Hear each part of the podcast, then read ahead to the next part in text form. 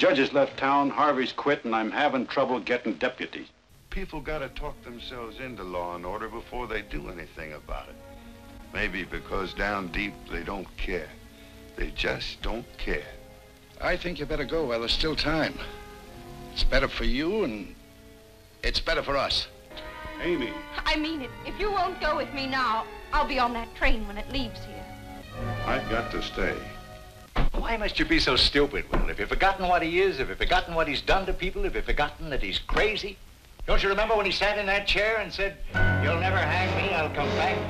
I'll kill you, Will Kane. I swear it, I'll kill you.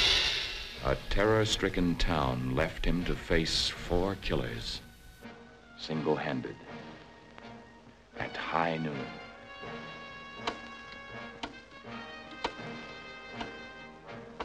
With every swing of the pendulum, with every second, a man's life ticked away.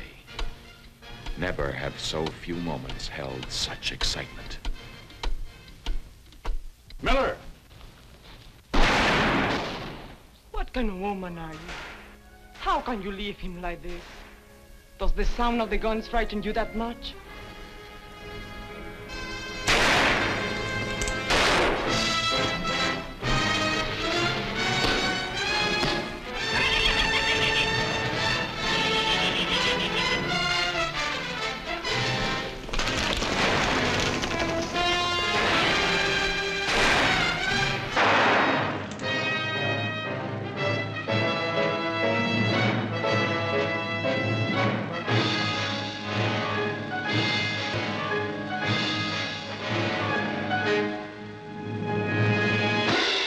Velkommen til et særligt bonusafsnit af På jagt efter John Wayne.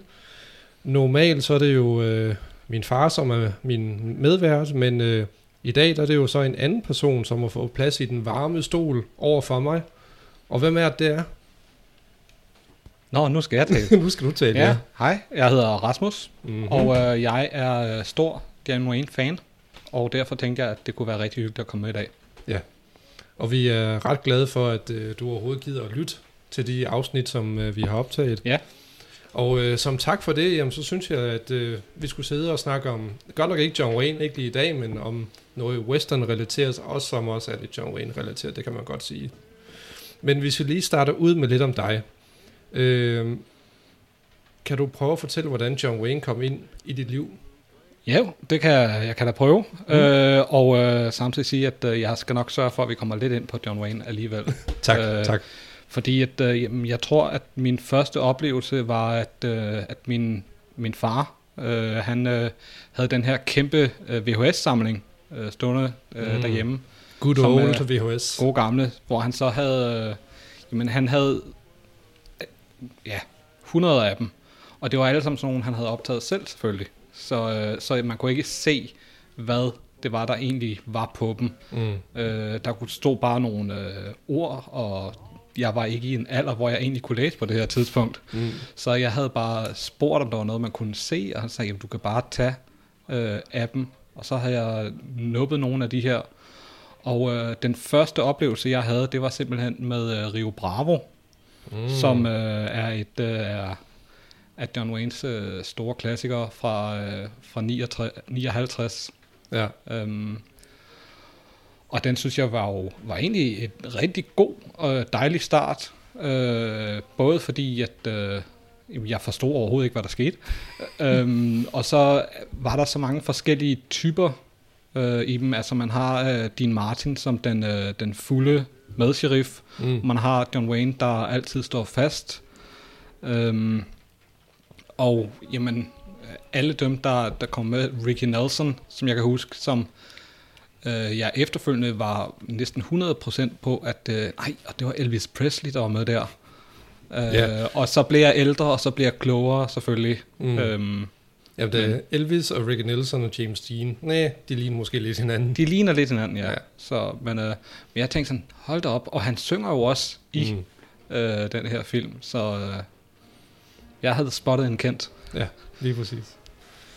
Så det startede med Rio Bravo, og det er egentlig meget pudsigt. Øh, kommer nok lidt ind på det. Ja. Vil jeg sige, at det var den, der præsenterede dig for John Wayne. Øh, Og du, og du vil betragte dig selv som, som fan i dag af ham?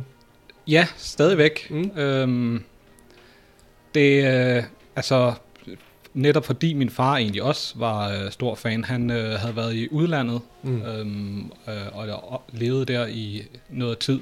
Og så havde han så fået optaget øh, rigtig mange VHS'er med Ja. øh, John Wayne. Øh, og ja, fordi vi havde alle de her VHS'er, øh, jamen så spurgte jeg så på et tidspunkt, jamen kan jeg ikke lige begynde at lave en, ligesom en liste, sådan en, skrive ned, hvad er det egentlig, vi har, sådan på VHS nummer 1, nummer Mm. 2, nummer 3, nummer 217, Mm. Øh, og der var rigtig mange øh, på her. Altså Rio Bravo, som sagt, øh, Kavaleriets Skole Bånd, øh, hvad hedder det, Forfølgeren. Det er virkelig også nogle store Det titler, var, du lige jamen altså, jeg, jeg sidder også sådan og tænker, kan jeg få dem helt om, jamen True Grit selvfølgelig Mm. også. Øhm, så ja, men Mm. det, og det ved jeg, det er jo nogen, som øh, I ikke er kommet til endnu. Ikke nu, nej. Men, øh, vi nærmer os med men langsom vi- hastighed. Når vi kommer til det, så, øh, så glæder jeg mig. Ja. Det, det er dem, jeg kender. Det kan jeg godt forstå. Nu, nu nævnte du øh, Rio Bravo. Øh, jeg ved ikke helt om, er det din yndlings John Wayne-film? Øh, nej, det er det, Det det er nok det ikke. ikke. Det, det, og så jo og ja og nej, ikke? Fordi at det, Måske. det var ligesom mit første øh, indgangsvinkel til øhm, en, som jeg øh, holder rigtig meget af, øh, og som jeg har set flere, og som også øh, var, var dejlig, fordi min, min far nemlig fortalte mig flere historier til den. Jeg tror, at den måske også betød noget særligt for ham. Okay. Det var Hatay, Åh, oh, John i Afrika. i Afrika, som jo, øh, som jo intet har med, med western at gøre, Mm. Øh, men hvor at John Wayne han stadig holder fast i, at øh, jamen, han spiller jo den, vi kender, John Wayne, som Ja. han altid gør. Han holder fast i sine øh, idealer, så Ja. at sige. Ja. Ja, det, den har jeg faktisk ikke engang set, så den kan jeg ikke, jeg kan ikke bidrage Nej. med noget. Men det er, det er helt okay, fordi at, øh, det er, men det, er- det er egentlig bare en, en film, som altså egentlig faktisk på, på samme måde som Rio Bravo, så bringer den rigtig mange forskellige typer øh, af, af personligheder ind. Mm. Øhm, og øh, ja, og så er den, altså, den er sjov, den er altså en, en film omkring øh, mandstyrke, og den er også, altså i dag, der vil man nok sige, at den er, om, om den vil gå, det ved jeg ikke, men den, er, den, den har bare en måde, et, et verdensbillede, som, øh, som måske ikke vil øh, blive øh, accepteret i dag. Øh, vi, har, vi har den øh, kvindelige hovedrolle for eksempel, der kommer ind øh, måske næsten øh, anmasende. Hun har bemægtiget sig, øh, hvad hedder det, øh, hovedpersonens seng, øh, og sådan, nå, men det var, men hun skulle bare have et sted at sove, og der var ikke nogen andre, og den her seng, den kunne hun da lige så godt tage. Mm. Øh, og øh, starter meget ud på at have den her, jamen, fordi at, øh, at hun er en kvinde, og at hun selvfølgelig er lige så god som alle andre, så, øh, så skal hun jo også kunne alting. Mm. Øh, og lige så snart de skal ud på deres første jagt, som de, som de er, de her øh, øh, personer, jamen så ender det selvfølgelig også med, at øh, hun falder altså bogstaveligt talt på røven. Mm. Det Øh, det. og bliver så også nødt til at gå hen og sige undskyld til, til nærmest sige undskyld til John Wayne, fordi hun er kvinde. Mm. Øhm, eller i hvert fald ikke er lige så god. Okay. Ja, men altså... Øh, jeg, jeg tænker, det er jo nok øh, lidt af det, som man måske kan forvente af en John Wayne-film. Altså, der, er- der, er nogle, der er nogle ting, der skal tjekkes af, øh, og det er måske et, et af de punkter. Ja. Øh, det, Det- det, kan godt være, at, øh, at, at så er de måske lidt øh, forældet i dag, men altså... Nogle gange er det også det, der gør, at øh, de får en charme, kan Det er, en, øh, det er en klassiker. også. Altså, Punktum. Ja, jamen, nej, nej, det er ikke, ikke, ikke et punktum, men den, det var altså bare nogle film med, med John Wayne, det er bare Mm. mm. sådan nogle, som, som du skal se, fordi at det er fra den tid, og fordi at det er Mm. John Wayne og, og musikken. Øh, altså især øh, Hatay vil jeg, vil jeg anbefale for øh, Elefanternes March, Okay. øh, som er et øh, fantastisk flot øh, musikstykke, Mm. og visuelt er det endnu mere flot, øh, vil jeg sige, næsten uden at jeg, jeg, jeg, jeg uden at indrømme og afsløre for meget af, hvad der egentlig sker, så er elefanternes Mars nærmest, altså det skal tages bogstaveligt. Okay. Jamen, det, det lyder, Den skal, godt. den du skal, har, I skal glæde jer. ja, du har overbevist mig om, at øh, den skal jeg glæde mig til. Ja, det er godt. Men jeg synes faktisk også nogle gange, så er det jo faktisk de film, som er mest interessante, det, det er dem, som ikke er hans westerns, synes jeg.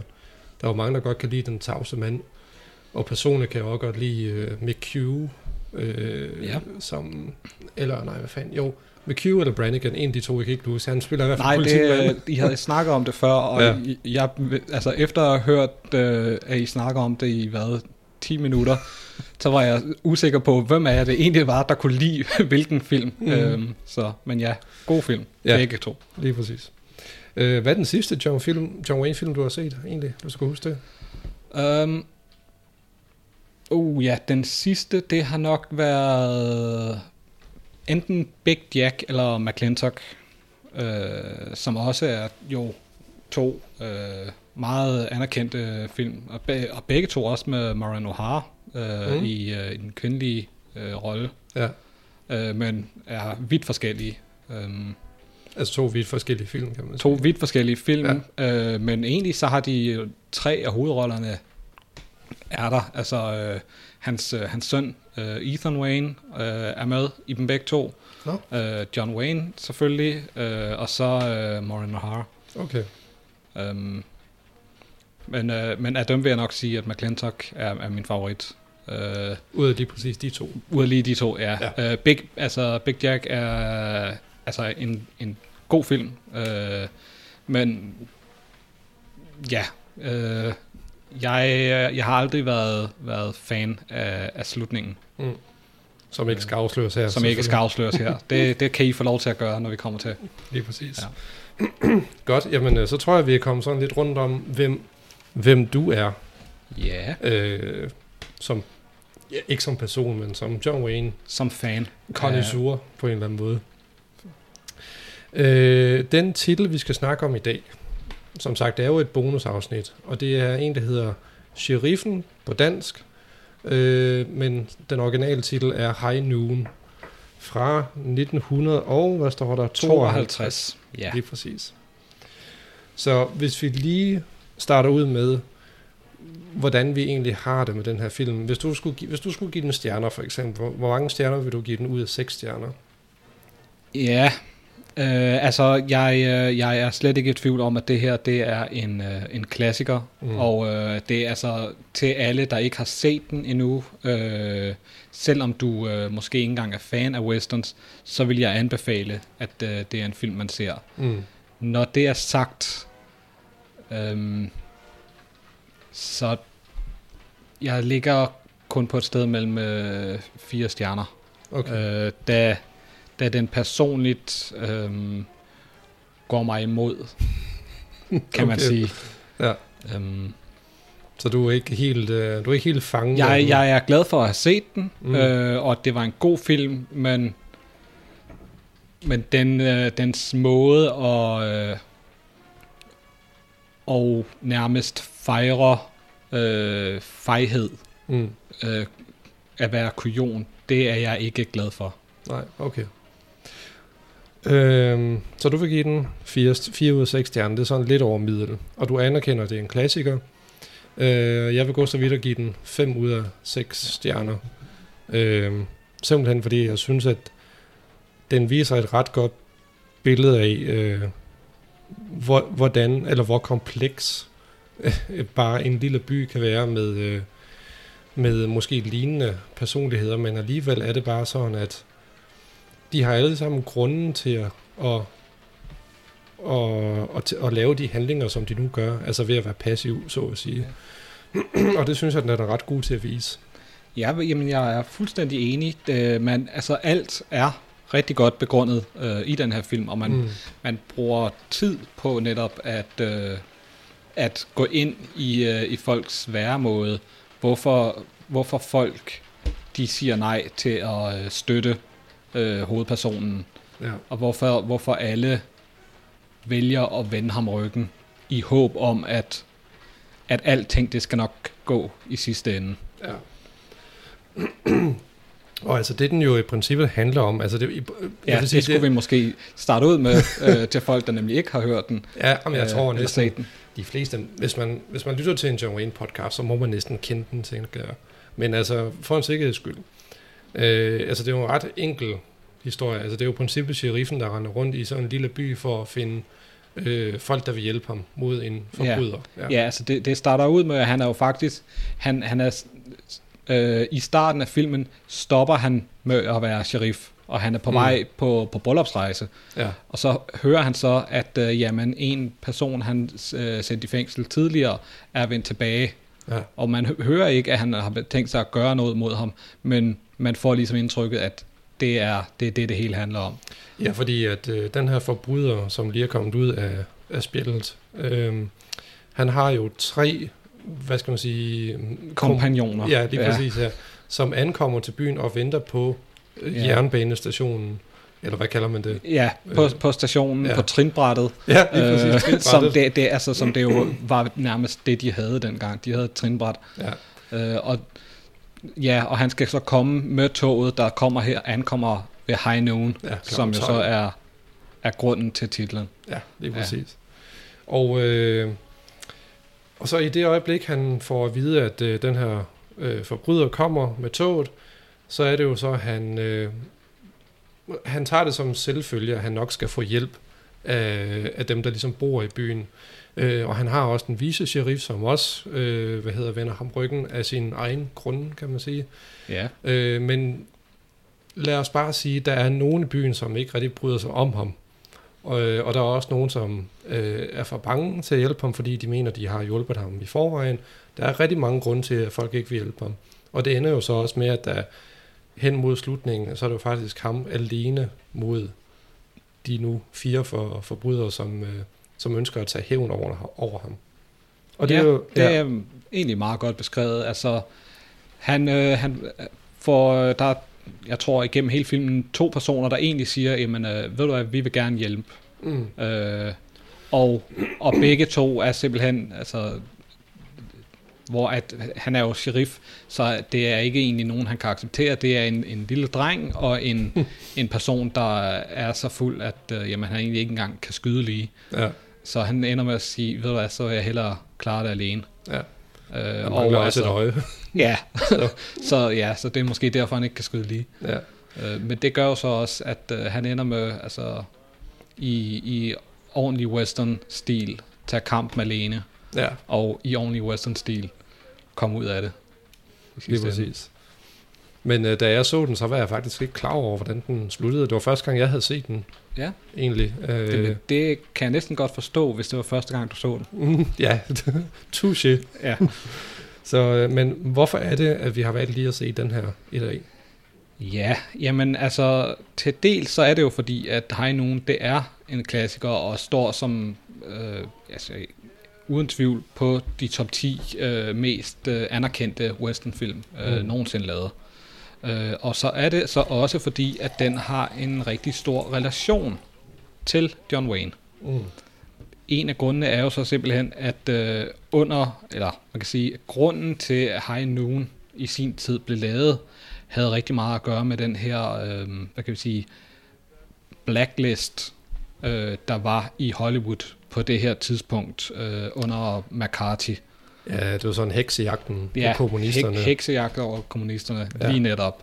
Og det var netop det, øh, filmen den blev lavet til at symbolisere, hvordan at, øh, at sheriffen, der her skal forestille øh, gode mænd, øh, folk, der egentlig har gjort noget for samfundet, som han jo er, øh, i hvordan folk, der tidligere havde været, man troede var deres venner, jamen de vendte dem simpelthen ryggen. Mm. Og i sidste ende, så måtte øh, han klare sig selv, eller kommunisterne måtte klare sig selv, som de så er, er lavet for, skal forestille. Mm. Øhm, og som, som man jo ved, så var øh, John Wayne, han var jo med også til at jage kommunisterne.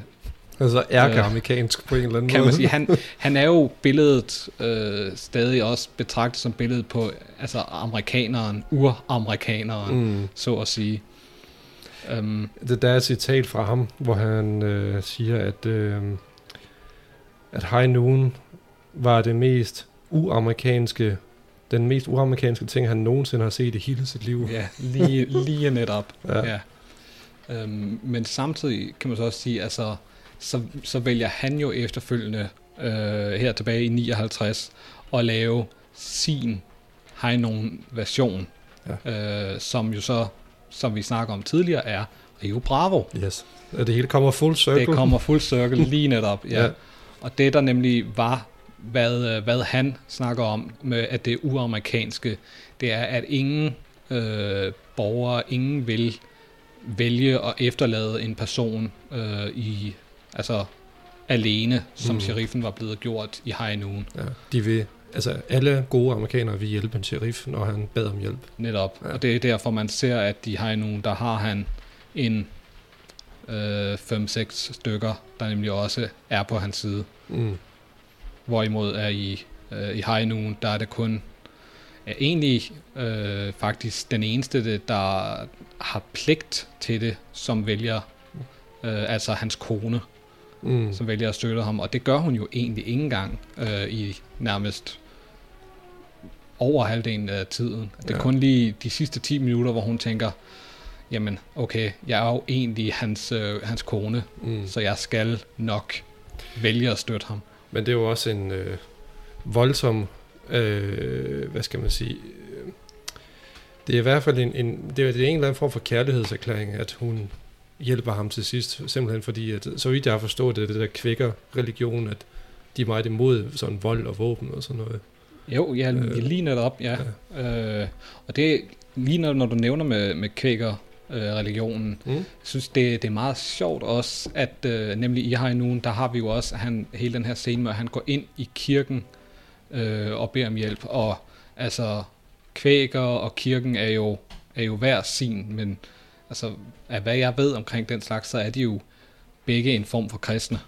Jamen, det, det er jeg også ret sikker på, det må det være. Ja. Så at, øh, at se, hvordan altså, den kristne kirke vælger fuldstændig at vende ham ryggen, Mm. øh, og det er derimod den religion, øh, hvor, hvor, hvor de simpelthen er endnu mere strikse med vold, der vælger at, øh, at slå en af dem ihjel. Mm.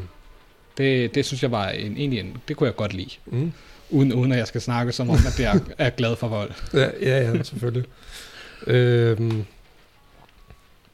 så, øh, så både John Wayne og instruktøren af Rio Bravo, en der hedder Howard Hawks, de, øh, altså, de, de lavede simpelthen Rio Bravo, som du sagde, ud fra øh, som, et, som et slags modargument til High Noon. Øh, synes du, det lykkedes for dem? Ja, det vil jeg da sige. Mm. Øh, altså, jeg synes, det var en, øh, en, en dejlig film, øh, Rio Bravo. Øh, og man kan sige, at hvis jeg skulle vælge at se en af de to film i dag, jamen, så vil jeg nok hellere vælge at se Rio Bravo. Mm. Fordi at, øh, og jeg kan selvfølgelig, jeg kan sagtens forstå øh, billedet, man skaber i Noon, og, øh, og den tid, det mm. var øh, her tilbage under McCarthy, hvordan at øh, kommunisterne, og selv de amerikanske kommunister, der egentlig ikke havde gjort noget, øh, hvad kan jeg sige, dårligt. Øh, jeg, jeg hørte for eksempel, at øh, Foreman, jeg kan ikke lige huske hans fornavn, ham der øh, var, øh, havde skrevet, øh, hvad hedder det, manuskriptet til Ka- det. Carl Foreman. Carl Foreman, Ja. ja. ja. Han, øh, altså kort tid efter, der blev han simpelthen han blev tvunget til at rejse til, til England, Mm. fordi det var ikke længere sikkert for ham i USA. Ja. Øh, Og det var en af de ting, som John Wayne sagde, det var noget, af- en af de ting, han var mest stolt af. han fik drevet ham ud af landet. ja, Altså, det er også lidt voldsomme ord, vil jeg sige, men altså, det er jo... Øh, det- altså, det har jo været en skræmmende tid på en eller anden måde. Det har været en meget anderledes tid. Mm. og jeg tror, det, det kan være svært for sådan nogle, øh, nogle yngre som os at, at forstå det. Ja. Men, øh, men det var også i efterkrigstiden, tænker jeg. Ja, ja, så, altså- så folk de havde været ramt af det, øh, og var usikre på, hvad man ligesom kom ind til nu. Ja. Jamen, der har jo simpelthen været øh, altså, om, omfattende paranoia på en eller anden måde. Altså, fordi man, man var så desperat for at holde fast i, det, i den amerikanske liv, øh, livsstil, ja. Som man havde på det tidspunkt. Ja, men lige netop, jeg tror også, altså det har nok måske været en af grundene til, at, øh, hvad hedder han, øh, Gary Cooper, øh, der jo har hovedrollen her i High Noon. Ja, han spiller Will Kane, som er sheriffen. Som er sheriffen, ja. ja. Øh, og, øh, og på det tidspunkt, der øh, af hvad jeg har hørt, så var hans karriere, den var egentlig, det gik ikke så godt mm. øh, i det her tidspunkt. Ja. Øhm, men, men Noon har så været med til ligesom at, at få ham op igen. Mm. Øh, men før det, altså der var mange andre før ham, der blev spurgt, om de kunne tage, øh, havde lyst til den her rolle. Altså også kendte navne som øh, Gregory Peck, øh, Charlton Heston, Marlon Brando, øh, mm. som alle sammen, de valgte så at sige nej. Ja. Øh, og jeg tror, det har rigtig meget at gøre med, at jamen, man, man var simpelthen usikker på, hvilke konsekvenser det her det kunne have. Mm. Øh, og det kan man jo så også sige, altså John Wayne, han var jo, som du selv har nævnt, altså meget skrab, havde meget skrab omtale omkring det her. Mm. Øh, og han var jo et af fortalerne for øh, kan man sige, afskaffelse af, af kommunister mm. i Hollywood. Ja, det var jo simpelthen bare ja. ud med det, det hele du. Ja, men altså... Ifølge og, ham. Ja, øh, og, og det... Og det, det, er jo, det, det, det gør jo sådan historien sådan, altså mere interessant, når man mm. så tænker, at, at efterfølgende, jamen, så kommer han og laver den amerikanske version af High Noon, hvis mm. man kan sige det på den måde, ja, ved at lave Rio Bravo. Lige præcis. Ja. Men det er sjovt med uh, Gary Cooper, fordi af hvad jeg kunne finde frem til, så uh, synes jeg selv, at han... Uh, altså, han blev indkaldt som vidne til den der... Uh, uh, hvad man kalder øh, McCarthy? Øh, ja, en, en, en heksejagt, eller en, en udpegning. Ja. Er det ikke den, du tænker på? Jo, altså, altså det, er jo ikke, det er måske en domstol, men altså, han blev indkaldt til en høring, det, det er nok ja. det, det hedder, ja. Hvor, øh, og han, jeg tror altså, at han var sådan nogenlunde på sådan samme linje som John Wayne, og var sådan ret konservativ egentlig, ja. så, så det er derfor, det overrasker mig lidt, at han vælger at have hovedrollen i sådan en film som, som det her, vil jeg sige, men han, men han gør det ret godt, synes jeg. Øh, jeg synes øh, virkelig, man kan føle, at der er pres på ham. Ja, ja man, øh, man kan jo nærmest se øh, hans, hans, hans, øh, hans rynker nærmest. ja. Så det har jeg også hørt noget nemlig om, altså hvordan rynkerne nærmest bliver dybere igennem mm. øh, hele filmen på ham, hvordan bekymringen den, øh, den står afmejslet i hans øh, pande. Ja. Og øh, åbenbart så var han sådan ret syg på det tidspunkt. Øh, det, han havde et eller andet med noget mave, mavesyre eller sådan noget. Som, øh, eller blødende mave, øh, mavesyre, eller et eller andet, jeg kan ikke lige huske, hvad det hedder. Øh, som åbenbart gjorde, at at når, når man ser smerte på hans ansigt, så er det fordi, han har faktisk har ondt, når de optager så han, han har rent faktisk ondt. Ja, lige ja. præcis. Og så plus, at det ser jo pisse varmt ud hele tiden. Så altså det der med, at, øh, han har dybe rynker og sådan noget, altså det kan man godt forstå, når det er så varmt, som, som det nu er jo. Altså de går jo og tørrer sig og sveden af panden hele tiden og sådan noget. Så. Men øh, hvad synes du egentlig om, hvordan Gary Cooper spiller den her rolle? Altså jeg vil sige, jeg tror ikke, der var mange, øh, der egentlig kunne gøre det lige så godt. Mm. Øh, altså han er alvorlig, han er ja, som vi snakker om, altså han, han viser virkelig den her nervøsitet mm. i sig, uden at han egentlig behøver at sige, jeg er nervøs. I am nervous. han, er, han, han, han er en, en sheriff, som jeg egentlig godt vil eller en personlighed, jeg ville kunne forstå, at selv efter, at han ligesom har frasagt sig sit embede, mm. jamen okay, så vender han lige tilbage og sikrer, at at jobbet nu er gjort, inden han er helt færdig. Ja, ja fordi han er den gode amerikaner, så at sige. Det er han nemlig, ja. ja. Selvom, selvom det ikke er John Wayne, der spiller, som jo er amerikaneren, uramerikaneren, ja. Øh, så, så kan man godt se, at, så, at øh, jamen, Gary Cooper, han er egentlig lige så meget amerikaner. Mm. Og når, når det er sagt, så skal det også siges, at John Wayne fik jo egentlig også i sin tid øh, tilbudt den her rolle som sheriffen i High Noon. Mm. Og jamen, det, jeg tror ikke, han ville have kunnet gøre det lige så, gjort det lige så godt. Nej, det, det tror jeg det, ikke. Altså, det, det er, er en anden rolle for John Wayne. Ja. Ellers så ville han i hvert fald have uh, sat sit eget aftryk på det, som havde ændret det helt. Fuldstændig. Jamen, altså, så var, så var den jo blevet lidt mere ligesom Rio Bravo. Altså, det ville den jo være blevet. Men det er ret Ja. nok, øh, det var et eller andet med, øh, da Gary Cooper vandt sin Oscar. Ja, han vandt jo faktisk en Oscar, så var der et eller andet med, at så var det John Wayne, der tog imod prisen. Jamen, det var, ja, og det var en dejlig historie. Kan jeg, jeg, jeg har nemlig hørt det samme, hvor at, at John Wayne øh, kom op og tog imod øh, Oscaren for Gary Cooper. Ja. Og det... Øh, jeg, jeg ved slet ikke, hvad John Wayne han må have følt øh, der. Nej. Og, og stå op på scenen. Altså, det han- må have været en helt øh, særlig, meget modstridende følelse Ja. øh, at have. Men ud fra det citat, som ligesom blev taget fra den aften, altså, så virker det som om, han måske så var ved godt humør alligevel jo. Men altså, det kan jo godt være, at han har fået lidt whisky ind, indenbords. Helt, helt sikkert noget whisky. Ja. Og ellers, men samtidig så, altså John Wayne, han var jo en meget øh, acceptabel personlighed alligevel, mm. øh, kan man sige. Og det har man set øh, mange gange tidligere også, når han har snakket med, med folk, der har været politisk imod ham. Mm. Øh, at de stadigvæk kunne øh, være gode venner, øh, både øh, ja, bag scenen og, og til andre ting. Ja. Det er det, der er lidt paradoxalt ved ham, fordi at, uh, han har jo været kørt en hård kurs mod bestemte øh, mennesker, hvis de har haft øh, noget, som han antog for at være uamerikansk. Uh, men så samtidig, så har han også været uforstående, hvis folk har spurgt om hvorfor unge mennesker synes, at han var et levn fra en fortid, for eksempel. Uh, og det, det, det har han så ikke kunne forstå, fordi han har altid synes, han selv var, var ret flink på, på, nogle, på nogle områder. Så, men altså, altså den form for forskellige overbevisninger har vi vel alle sammen, tænker jeg. Ja, jamen, øh, jamen enig. Øh, også, altså John Wayne, mange af de ting, han egentlig øh, angreb andre imod, det var egentlig ikke så meget, hvis de var imod ham, men Mm. hvis det var imod øh, Amerika. Mm. Øh, og det er jo netop der, hvor han har taget kampen op. Og måske også det, der har været med til at gøre, at øh, han er uramerikaneren. ja, lige præcis. Jeg kan godt lide det udtryk egentlig. Ja. Det er dejligt. Det, som vi begge to er ret enige om, det er, at Gary Cooper egentlig gør et godt stykke arbejde. Kan vi ikke blive enige om det? Jo, det kan vi godt. Ja, lige præcis.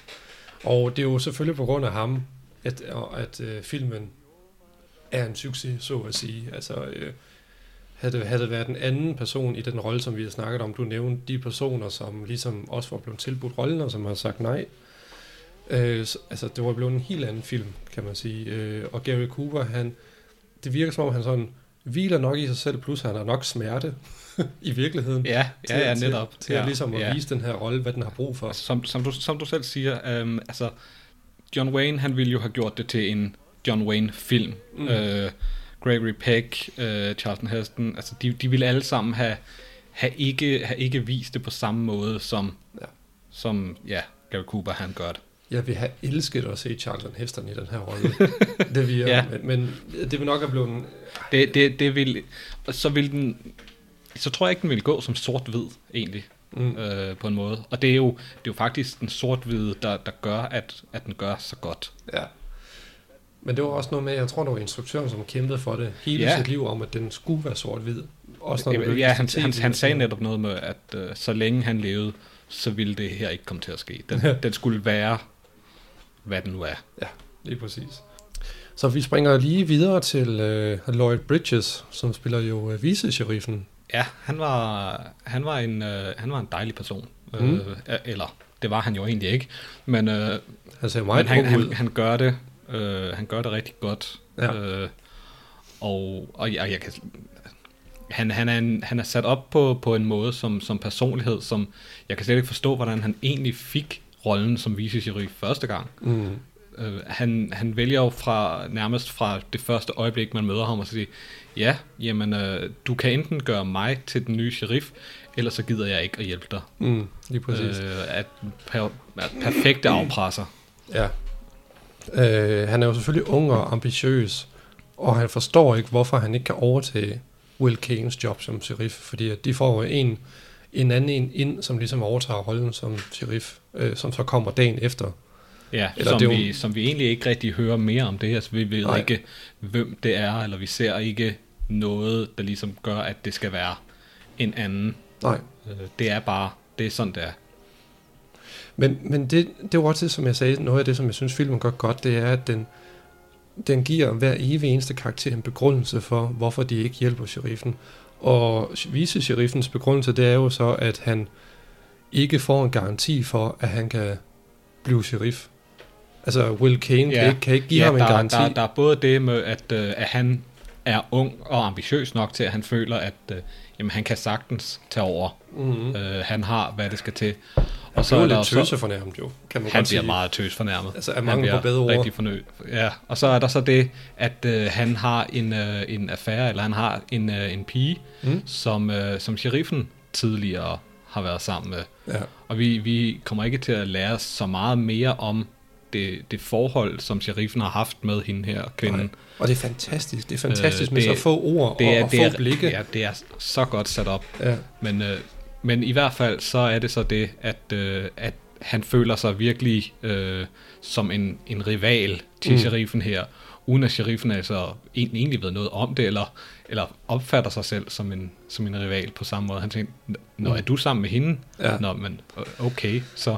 Ja, fordi de har jo været, øh, altså vise, eller nej, hvad hedder det, sheriffen Will Kane, ja, det er nok har været i et forhold med øh, en, der hedder Helen Ramirez, som blev spillet af Katie Jurado. Jeg går ud fra, at det er sådan, det udtales. Øh, Måske lidt mere latinsk. Ja, Men ja. Jurado. Nej, jeg kan ikke sige det. Anyways, øh, men øh, ja, de havde jo et forhold, sådan som jeg forstår det, mens øh, Frank Miller ligesom regerede den her by, altså den, den bandit, som vi venter på på stationen der. Ja, der, der har været et eller andet øh, mellem også Frank Miller og hende. Øhm, Ja, det har der også, ja. Ja, og så, kommer, så kan jeg forestille mig, så må sheriffen Will Kane komme ind, sat, sat ro og orden, og også overtaget Ja. Frank Millers gamle flamme. Ja, ja. Smidt, smidt Frank Miller i fængsel, Mm. øh, og, og hun har så følt sig taknemmelig, og de har så endt sammen. Mm. Øh, og så er de på et tidspunkt så brudt op, og vi, vi lærer ikke så meget mere om brudet her. Ja. Øhm, Udover at i det øjeblik, at alle andre øh, lærer om det her, her især hans, øh, hans kone, Mm. lærer, at der har faktisk været en anden pige, jamen, så begynder alle at, at misforstå, øh, hvad det egentlig er, og tror, at hun er noget helt særligt, og det er der, hvor hun så fortæller, Nå, men er det sådan, du tror, det er gået til? Jamen, så skal jeg lige fortælle dig en ting og to. Ja. Og det, det hører vi så egentlig ikke så meget om, den her en ting og to, som der egentlig er. Så vi hører ikke mere Men- om historien, udover at der er noget fortid. Ja, og det behøver man heller ikke, synes jeg. Man behøver ikke at vide mere, og det er det, der er så fantastisk med manuskriptet.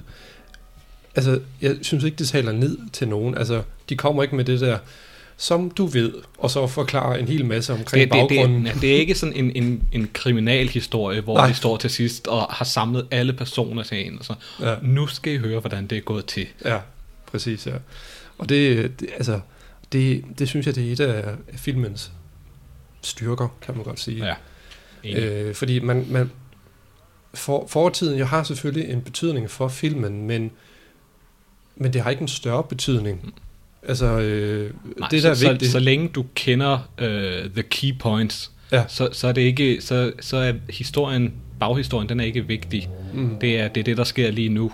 Det er det her med, at vi ser ham hele tiden kigge på klokken. Det med, at vi ser ham gå ned gennem gaden, og hans rynker, de bliver dybere og dybere, og nervøsiteten, Mm. den bliver står mej- mejslet i hans hoved. Det er Ja. det, der ligesom betyder noget. Lige præcis. Og så den, den endelige kamp selvfølgelig. Øh, tror, du, tror du måske, at hende, øh, Helen Ramirez, tror du, at hun øh, har været glædespige? Øhm, Dengang hun var sammen med Frank uh, Miller?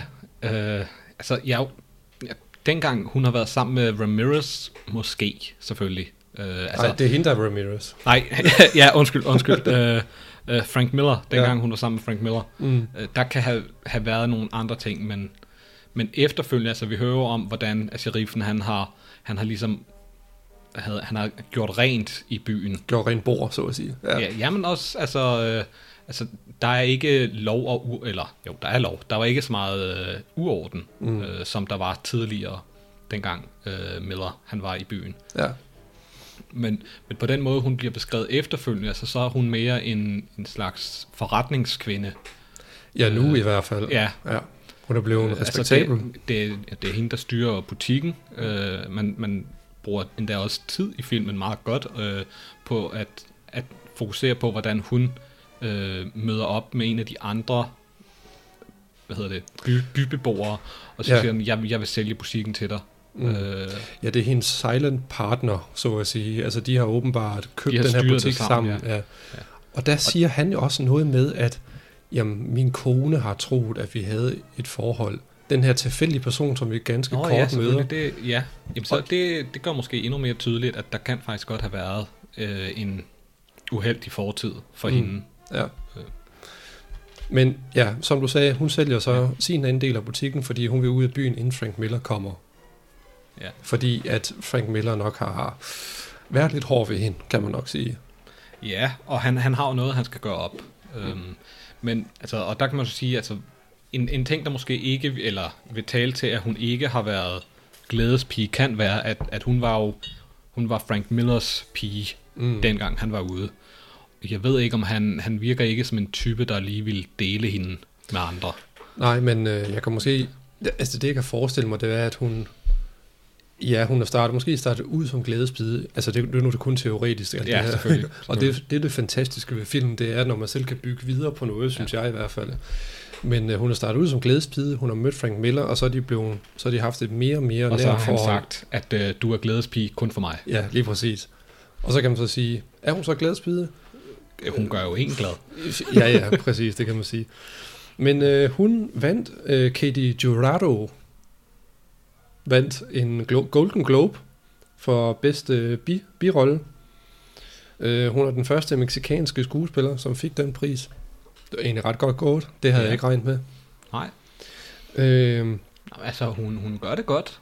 Øh, jo, jo. Det- Øh, men, men, men altså, det var ikke fordi, at jeg lod sådan ekstra meget mærke til Nej. hende, vil jeg sige. Øh, altså, det, altså, det er jo nok mest de mandlige karakterer, som virkelig... Øh, som man ja. har fokus på. Ja, Ja. Altså, mm, altså de mandlige, og så Grace Kelly, ikke? jo, men øh, ikke engang hende er der jo så meget fokus på, jo, fordi hun venter på toget det meste tid. man kigger tilbage på hende, ja, så ser man, man ser lidt den her øh, konflikt, hun har med sig selv, med at, øh, jamen, han er min mand nu, øh, og han, han vil ikke gøre, hvad jeg siger, Mm, lige efter han er blevet mand, og så vil han stadig ikke gøre, hvad jeg siger. ja, Øhm, og så hendes, hendes kvækertro, øh, hvor hun ikke må slå ihjel, men Mm. at hun alligevel ender med at, at gå sin, sin tro imod. ja, Øh, så så der, der er nogle, nogle, nogle skilleveje også i hendes øh, historie fra den gang, vi, vi starter filmen og til den slutter. ja. Øhm, hvorimod man kan jo sige, at, øh, ja, at, øh, at den anden kvinde, hun, hun, har, hun er sig selv hele vejen igennem. Der er ikke nogen skilleveje for hende. Nej, Øh, hun, hun får at vide, at Frank Miller kommer til byen, og hun beslutter for sig, jamen, så er der kun én ting at gøre, det er at tage afsted. ja. Den her by, den er ligesom færdig for mig. Ja. Jeg har fået, hvad jeg kunne. Og det er jo også noget, der taler for Grace Kelly som, som den egentlige kvindelige hovedrolle, fordi hun bliver jo tilbage, og er den eneste, som rent faktisk hjælper sheriffen, Ja, kan man sige. som, som taler om også om, fordi at nu er hun bundet til ham. Hun har egentlig ikke noget andet valg. Ja, lige, true, hvis man skal Ja. se på den måde, ja. Øh, lige hurtigt, øh, hvis vi skal afslutte øh, Katie Jurado, det er, at øh, sheriffen skulle oprindeligt have heddet Will Doan, men øh, navnet blev ændret til Will Kane, fordi hun ikke kunne udtale Oh, ja. Doan. ja, nej, det synes jeg var, det var en sjov lille detalje Ja, for mig. Og det var fint nok. Jeg synes, Will Kane, det er sådan virkelig, altså det, det slår virkelig igennem, det, synes jeg. ja, Kane, det er et amerikansk navn, der, fuldstændig. der giver mening. Ja. Men øh, nu nævnte du selv Grace Kelly. Og hvis vi bare springer over til hende, øh, hun spiller Amy Fowler Kane, sheriffens nygifte hustru. Øh, så de fleste kender hende nok for at være en af Hitchcock, Alfred Hitchcocks øh, mest velkendte skuespillerinder. Hun var 21 år gammel på det her tidspunkt, øh, kontra Coopers 50 år. Så der er lidt aldersforskel. Sådan cirka 30 års Ja. forskel, ja. Og Cooper var vist også sådan lidt, lidt imod det, men det stemte vist godt overens med, hvordan øh, ægteskabet hang sammen på den tid i 1800-tallet, der sidst i 1800-tallet. Øhm, og hun blev sådan mm, først for alvor, alvor kendt sådan nogle år senere. Men det der også er fantastisk med den her rolle, det er også alt det, som er usagt på en eller anden måde, fordi hun siger, at, hvad fanden er det, hun siger? Hun siger noget med, at hendes bror blev slået ihjel. Eller der var noget af hendes familie, Jamen, der blev slået hun, hun ihjel. snakker nemlig om det her med... Øh, hun, ja, hun bliver stillet ud for det her med, at jamen, hvordan det er med våben og, Det er sådan, og, ja. og dueller. Ja. Og så siger at øh, jamen, hun, hun ved godt, hvordan det foregår, at øh, hun har mistet alle de her personer. Mm. Øh, så, Til så vold. For, ja, til vold. Ja. Så det, det er uanset, øh, hvor, meget, hvor, hvor ret man har, så er der altid nogen, der dør. Mm. Som, som jeg husker, at hendes øh, argumentation er. Ja. Og, Og det, det er jo rigtigt, altså det, Ja. og det lægger jo rigtig godt op til den her kvækersro, at øh, jamen, hvis du bare, hvis du afskaffer volden, jamen så, så slipper du for, Mm. at folk de dør. Ja, lige præcis. Og det er jo, men det er også nok indsigt til at, og ligesom at fortælle os, jamen hun, hun konverterede til den her kvækker tro, fordi hun har oplevet alt det vold i sin fortid, i den her voldelige, vilde vesten, så at sige, de tre Ja, V'er. Og hun har, hun har fået nok. Ja, lige Ja. præcis, ja. Øh, og så forstår man udmærket godt, jamen, hvorfor hun ikke kan, eller hvorfor hun kæmper med sig selv, hvorfor hun ikke kan hjælpe ham. Altså, fordi altså, det går imod alt, hvad, hvad, hun har, hvad hun selv har oplevet. Man kan så sige, hvorfor har hun så valgt lige at være sammen med en sheriff? Ja, Men og det altså, kan måske have noget at gøre med, at øh, de snakker jo omkring, i starten af filmen snakker de om, at nu, nu forlader han jo netop rollen som sheriff, mm. og de snakker om at tage hen til et sted, hvor de så vil, vil åbne deres egen butik. Og det er sjovt, fordi han forlader rollen som sheriff, og så bliver de gift. Hvilket stem, måske stemmer overens med hendes tro, Ja, at de først kan blive gift, når ja, han har okay, forladt det havde jeg den faktisk rolle. ikke engang tænkt over. Ja, øh, ja at øh, som om, at øh, i det øjeblik, at han, han lægger, hvad kan man sige, øh, stjernen til side, Ja. så accepterer hun, okay, nu er volden væk, Ja. ja. nu kan jeg godt have dig. Mm, lige præcis. Ja. Hmm. Interessant. Interessant, Ja, interessant. og blev den lige pludselig mere interessant. Uh, ja. oh. Så har vi ekstra tid til at, Ja. at snakke om det hele. Øh, meget mere er der ikke sige om Grace Kelly, desværre. Nej, altså, det, det var en af hendes øh, allerførste roller, ikke? Jo. Øh, hun var nærmest uopdaget på det her tidspunkt. Ja, jeg mener, Og, hun øh, blev opdaget i et teaterstykke, altså af instruktøren eller noget i den retning, Ja. tror jeg. Ja, og altså, det, det er jo rent nok, altså, som, som du siger om, altså, hun har været i start 20'erne, og han var i 50'erne, ikke? så, så det, altså i vores tid, så ligner det egentlig lidt, at øh, han gifter sig med sin egen datter, når man ser dem på det. Hun er på, gammel, eller ja, han er gammel nok han, til at være ja, han ser, jo, han ser jo endnu ældre ud, end han egentlig er. Ja. Øhm, altså, der, der var lige det med, at øh, som jeg husker det, de havde vist egentlig et, øh, et forhold øh, på det her tidspunkt, under, Altså- under selve filmen. Ja, Øh, altså fordi det- han, han var sådan lidt en charmeur, Ja. og alle de, de var glade for ham, alle Ja. ja. pigerne. Så, Men, men, oh, men, altså, men det- ellers, den er svær at komme til liv sådan nogen, fordi sådan, ha, ha, altså, er det ikke sådan nogle rygter, der florerer omkring alle fra den tid på en eller anden måde?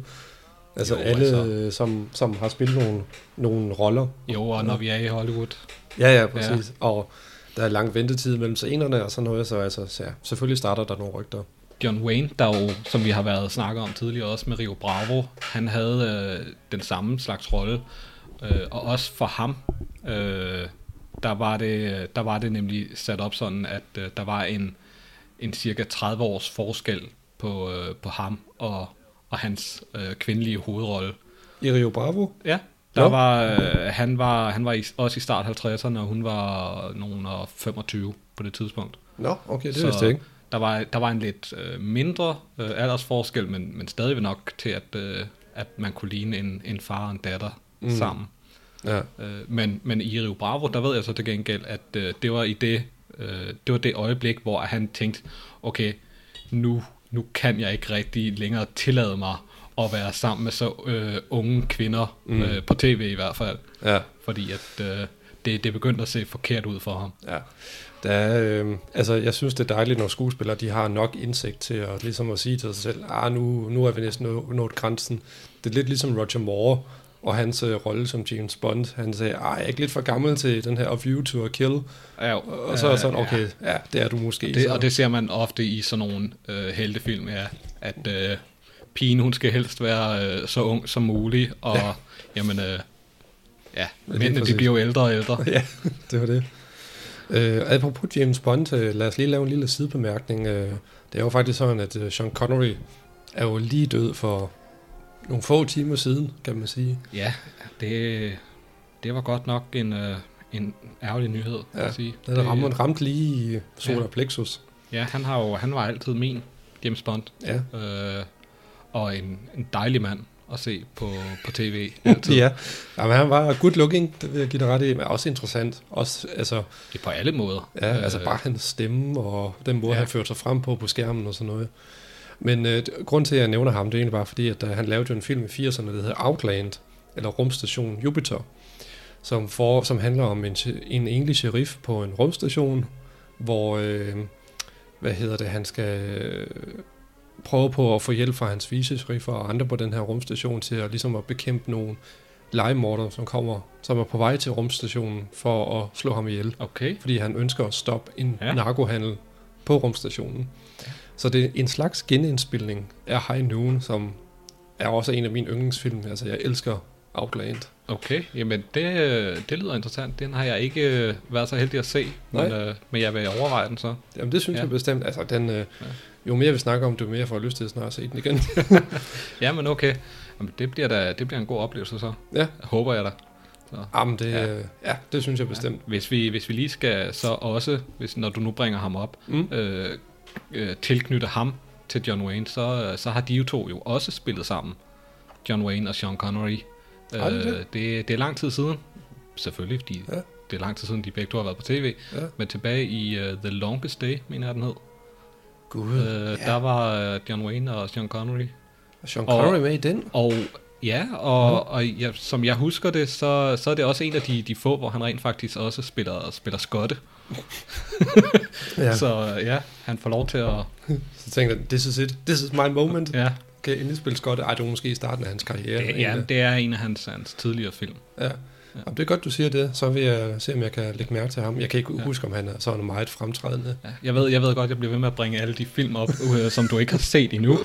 Ja, Men, øh, men der er mange, du skal glæde dig til. ja de, De, sådan de er det jo ofte med, med de gode skuespillere. Jo længere man kommer op i deres karriere, jo mere tid får de til at, at blive den karakter, som de egentlig er. Mm. Og, øh, og jamen, John Wayne, han blev jo kun bedre med alderen. Ja, det vil jeg også give Han er som en, ja. øh, en gammel øh, whisky, der får lov til at, at ligge og blive modnet, ja. Ja. Jamen, altså, jeg synes jo også, at øh, den sidste, han lavede, øh, seksløberen, der blev tavs, ja. ja, hold kæft, den er god, mand. Uha. Og med Q. og med Q, Og ja, det er med Q, jeg mener. Det er godt. Ja. Ja. Godt. Ej, the, the Shootist er, øh, altså, bare den hele, hele den måde, den er sat op. Det er simpelthen en, en, en tributfilm En hyldest. En hyldest. En tribut. Tribut, ja. Hyldest over alle hyldester. Ja. Jamen, det er ret nok, det, det er en fantastisk åbning med, hvor man ser de gamle klip fra hans gamle film, hvordan han også modnes til den rolle, han er Lige i dag. netop, ja. Ja. Anyways, vi vender lige tilbage til High Noon. Tilbage til High Noon. Lon Chaney Jr. spiller den tidligere sheriff. Øh, han, han spiller en gammel mand, men han er faktisk øh, fem år yngre end Gary Cooper. Ja. Men øh, han er simpelthen maskeret ja. som mig, da han ligner en i 70'erne. Jamen, indrømmet, altså, det, jeg lagde ikke mærke til, at han var yngre, i Nej, hvert fald. Overhovedet ikke. Øh, Og det var selvfølgelig ham, der spillede The Wolfman fra 30'erne. Så altså, han er vant til at have make på, også behåret make så, øh, men altså, jeg kan godt lide Lon Chaney. Altså, jeg har et eller andet med ham. Øh, jeg synes, han har et sympatisk ansigt. Og det er ikke fordi, at jeg kan huske, hvad han ellers har spillet med i. Udover at vi lige har set ham i øh, The Three Musketeers, sådan en biograf-serie. ja, okay, ja. Altså, jeg, jeg vil også sige, at øh, for mig, der var, han, der var han bare et ansigt Ja. øh, på skærmen, da jeg så filmen. Ja. Øh, han virkede sympatisk nok, øh, som han jo egentlig bør være, og han, mm. han var en af de få mennesker, der sagde sådan, at øh, altså, han havde en, en ordentlig grund, kan man sige. Han havde, han havde problemer med, med hænderne, øh, der gjorde, Ja. at han kunne egentlig ikke rigtig holde på et, en revolver. Så som han, han selv beskriver det, at, at selv hvis han stod øh, side ved side ved sheriffen, mm. så ville han egentlig, sheriffen ville ende med at bruge mere tid på at beskytte ham, end, end egentlig at være til hjælp. Ja, det var det. Så, og det er jo også en udmærket begrundelse, kan man sige. Men man kan også sige, måske hvad havde han, kunne han have siddet oppe i en eller anden bygning med en riffel eller sådan noget. Jeg ved det ikke. Eller noget. Nej, men uanset hvad, jeg synes, det er fint, at Will Kane, han ikke tvinger folk til at hjælpe ham. Altså, det, jeg synes, det er jo et af hans øh, øh, beundringsværdige træk, synes jeg. Ja, han, han bruger mere tid på i filmen at gå rundt og så sige, jeg har brug for hjælp. Mm. Hvem vil hjælpe? Ja. Og ja, hvis de ikke kan hjælpe, det er jo så, hvad det er. Uh, man ser, der er selv en af, en af personerne, der, der faktisk tilbyder at hjælpe, uh, som efterfølgende finder ud af, da der ikke er andre, der, der har lyst til at give en hånd med, jamen så trækker han sig, så trækker han sig tilbage igen. Ja. Og hvor at, uh, jamen Will Kane, han simpelthen siger, jamen du må jo gøre, hvad, hvad du vil. Ja. Han kan ikke, uh, han, altså, jeg tror lige frem, at han siger, at jeg kan ikke tvinge dig til at, at gøre, hvad der er rigtigt. Ja. Og, og man, om, altså, jeg forstår det udmærket godt jo. Altså, det, altså jeg kan fuldstændig sætte, sætte mig ind i det. Altså, ham, der har sagt, at jamen, jeg skal nok hjælpe dig. Som publikum, så går vi og tror, jamen okay, Will Kane har i hvert fald en, han får hjælp af. Men så trækker han sig også, og så er vi tilbage til nulpunktet, og så sidder man der sådan fem minutter før, at toget ankommer. Fuck, hvad sker der nu? Ja, ja som det, det er jo nærmest fem minutter der, hvor man siger sådan, Ja. okay, det, det er den sidste person næsten, der møder op og siger, nå, okay. ja, så er vi Ja. tilbage til nul. Ja, og sådan har det jo, er det jo med, med dem alle sammen. Nærmest. Man ser øh, vicesheriffen, som vi lige har snakket om også, Lloyd Bridges, øh, der er jo, altså det er hans job at, at stå side om side, Mm. øh, og som i stedet for vælger at bruge hele filmen til at, at afpresse ham. Øh, indtil til sidst, hvor han, han har drukket sig så fuld, at han tænker, at øh, okay, jamen, i stedet for, så tvinger jeg ham ud af byen, så han ikke er her mm. til at blive slået ihjel. Hvor han, han ligesom bruger den her, altså han, han føler, at han gør en god gerning nu ved at, at smide ham op på, på hesten Mm. og smide ham ud af byen. Øh, Der, der er mange, der prøver på at få ham ud af byen. Hvilket bringer os videre til den næste, øh, hvis vi lige snakker om borgmesteren egentlig. Øh, en, der hedder, en skuespiller, der hedder Thomas Mitchell, ja, som de, fle, Oha. de, de fleste af os kender ham nok Ham fra jeg- It's a Wonderful Life. øh, ham, der, der mister Nå, ja, pengene. Ej, hold, det, det havde jeg, tænkte jeg ikke engang på. Nej. Og det er ellers en af mine yndlingsfilm. Ja. Øh, nej, jeg, jeg tænker, i det øjeblik, jeg så ham, der tænkte jeg Stagecoach. Øh, Gud ja, det han er sgu da også med i. Hvor at, øh, at han ikke, ikke nok med, at han er med i den, som jeg husker det, så fik han en, en Oscar for bedste mandlige bilrolle. Nå, jamen det skal nok passe. Ja. Og øh, jamen, og jeg var jo sikker på, okay, jamen her har man allieret. ja, fordi det der, Will King går ind i kirken og beder om hjælp. Ja, Og folk er klar til at hjælpe ham med det samme. Indtil borgmesteren lige træder til og siger, hov hov, ja. hør nu lige mine argumenter. Ja. Han, han stiller sig op, og man tænker, okay, nu kommer der endelig en, der, der vil sige nogle positive. Altså, grunden til, at jeg, altså fra det øjeblik, man første gang ser ham i filmen, tænker, okay, der er en person her, vi godt kan lide, Mm. i Stagecoach, øh, som jeg relaterede tilbage til med det samme. Mm-hmm. Det er en, også en super god sort-hvid film, mm. øh, hvor at han er John Waynes allierede i alliancen. Øh, Ja, på den her diligence. ja, ja. i, ja, i The Stagecoach. ja. Ja. Øhm, ja, se, nu, nu øh, taber jeg fuldstændig tråden. Jo, Øh, men, men, men, men de bygger... Og det tænker jeg sådan, at jamen, når han har været i de her andre film, hvor han altid er den, den gode person, Ja. eller i de film, jeg har set i hvert fald, Mm. jamen så må han også være en, altså en dejlig øh, menneske i, øh, i High Noon. Ja. Øh, og han stiller sig op, og jeg tænker, okay, nu kommer der en, der vil sige nogle, nogle gode ting i kirken. Mm. Og så kan man bare se, hvordan nærmest det onde, det overtager ham, Mm. og hele hans tale. Og han vender sig om og kigger på Gary Cooper og siger, hvorfor vender du tilbage hertil? Ja. Du, du burde slet ikke være her. Vi kan ikke lide din slags. Jo, men Og det, er- det er sådan, hvor man tænker, ej, Ja. der er en, en af de sympatiske, der simpelthen... gå Ja. til the dark side. Ja, simpelthen, det er ja. det, han har gjort. Jeg var, jeg var skuffet. Dybt, Jeg var dybt skuffet, Mitchell. Jeg var ja. meget skuffet. Men igen er det jo, øh, at vi sidder tilbage og tænker, ja, manden har jo også ret, og samtidig er han forkert på den jo. Han starter ud med at sige, vi er så glade for sheriffen, fordi sheriffen fik bragt ro og orden i byen. Øh, og nu er det, at folk tør, turister tør besøge byen igen. Øh, folk op nordpå i nordstaterne tør investere deres butikker i vores by, fordi der ikke er mere vold. Og det kan vi takke Will Kane for, siger han.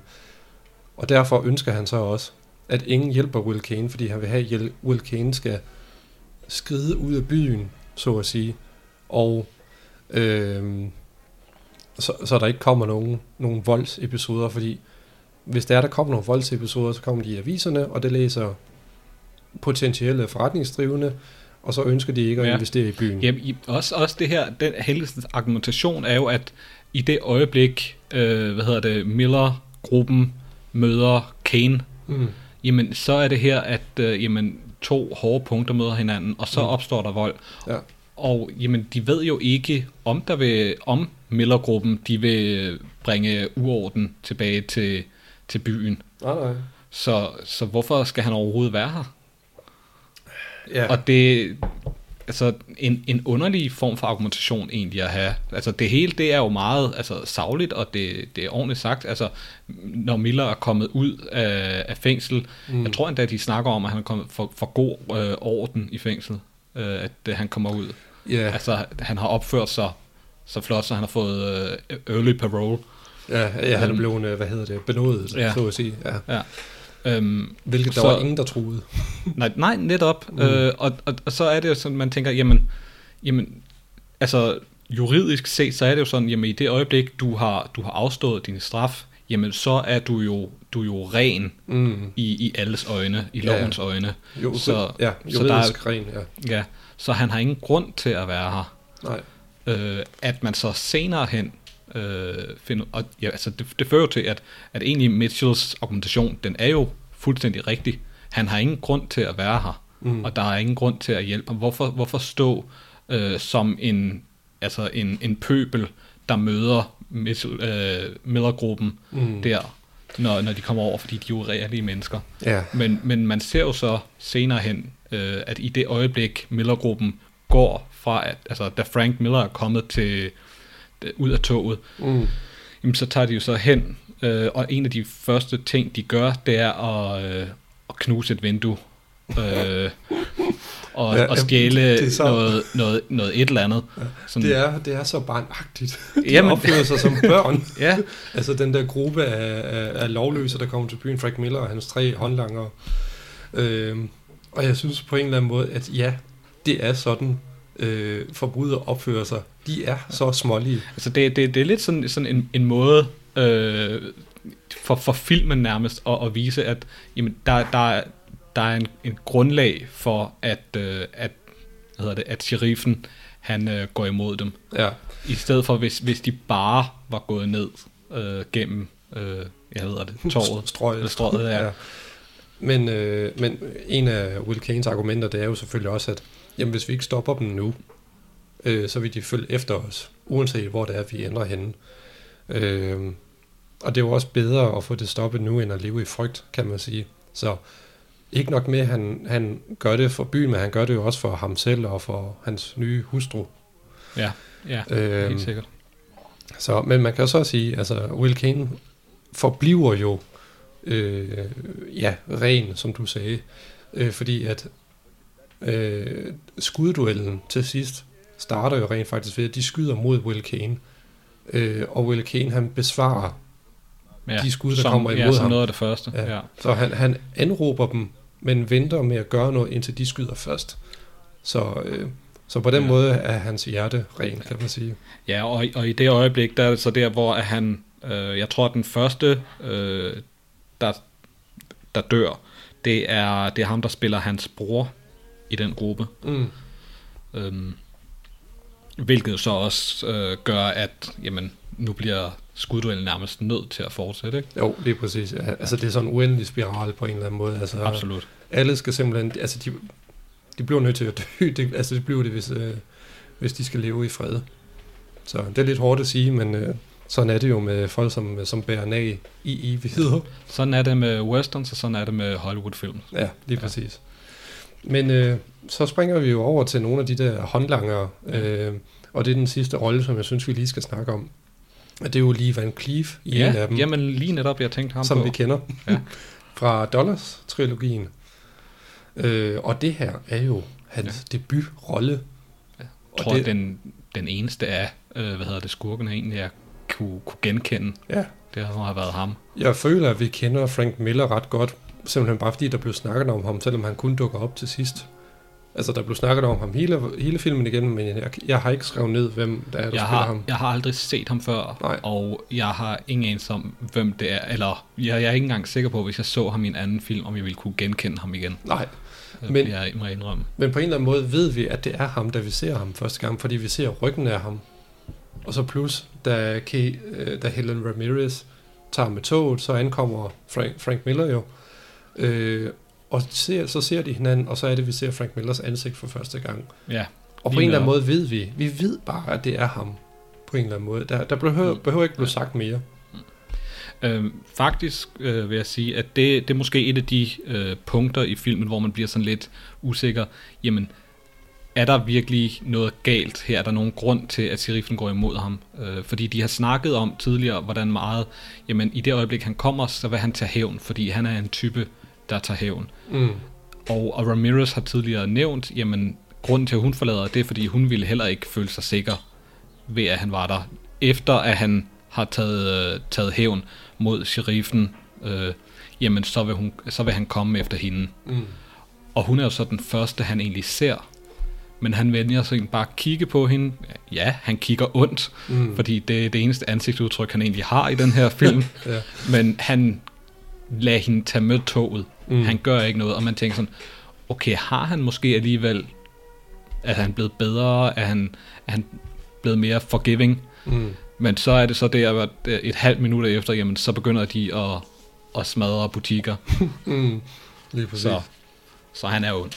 Øh, ja, det er han. ja. Men øh, ja, en af Ja. hans håndlanger, det er jo Lee Van Cleef. Øh, hvad, han er meget gen, genkendelig. Han er til gengæld genkendelig at se på, kan Ja. man sige. Øh, ja, som jeg, som jeg husker det, så var det egentlig ham, der skulle have, have spillet vicesheriffen Ja. oprindeligt. Det var det. øh, og, og, i, og i stedet for, så var det sådan, at, at jamen, hvad hedder han, øh, Carl Forman havde kigget på ham og sagt, nej, du er en bad guy. Ja, det er jo eller med, at han har sagt til ham, at det, den der næse der, Ja, den skal du vist lige have fikset. Og så sagde Lee Van Cleef nej.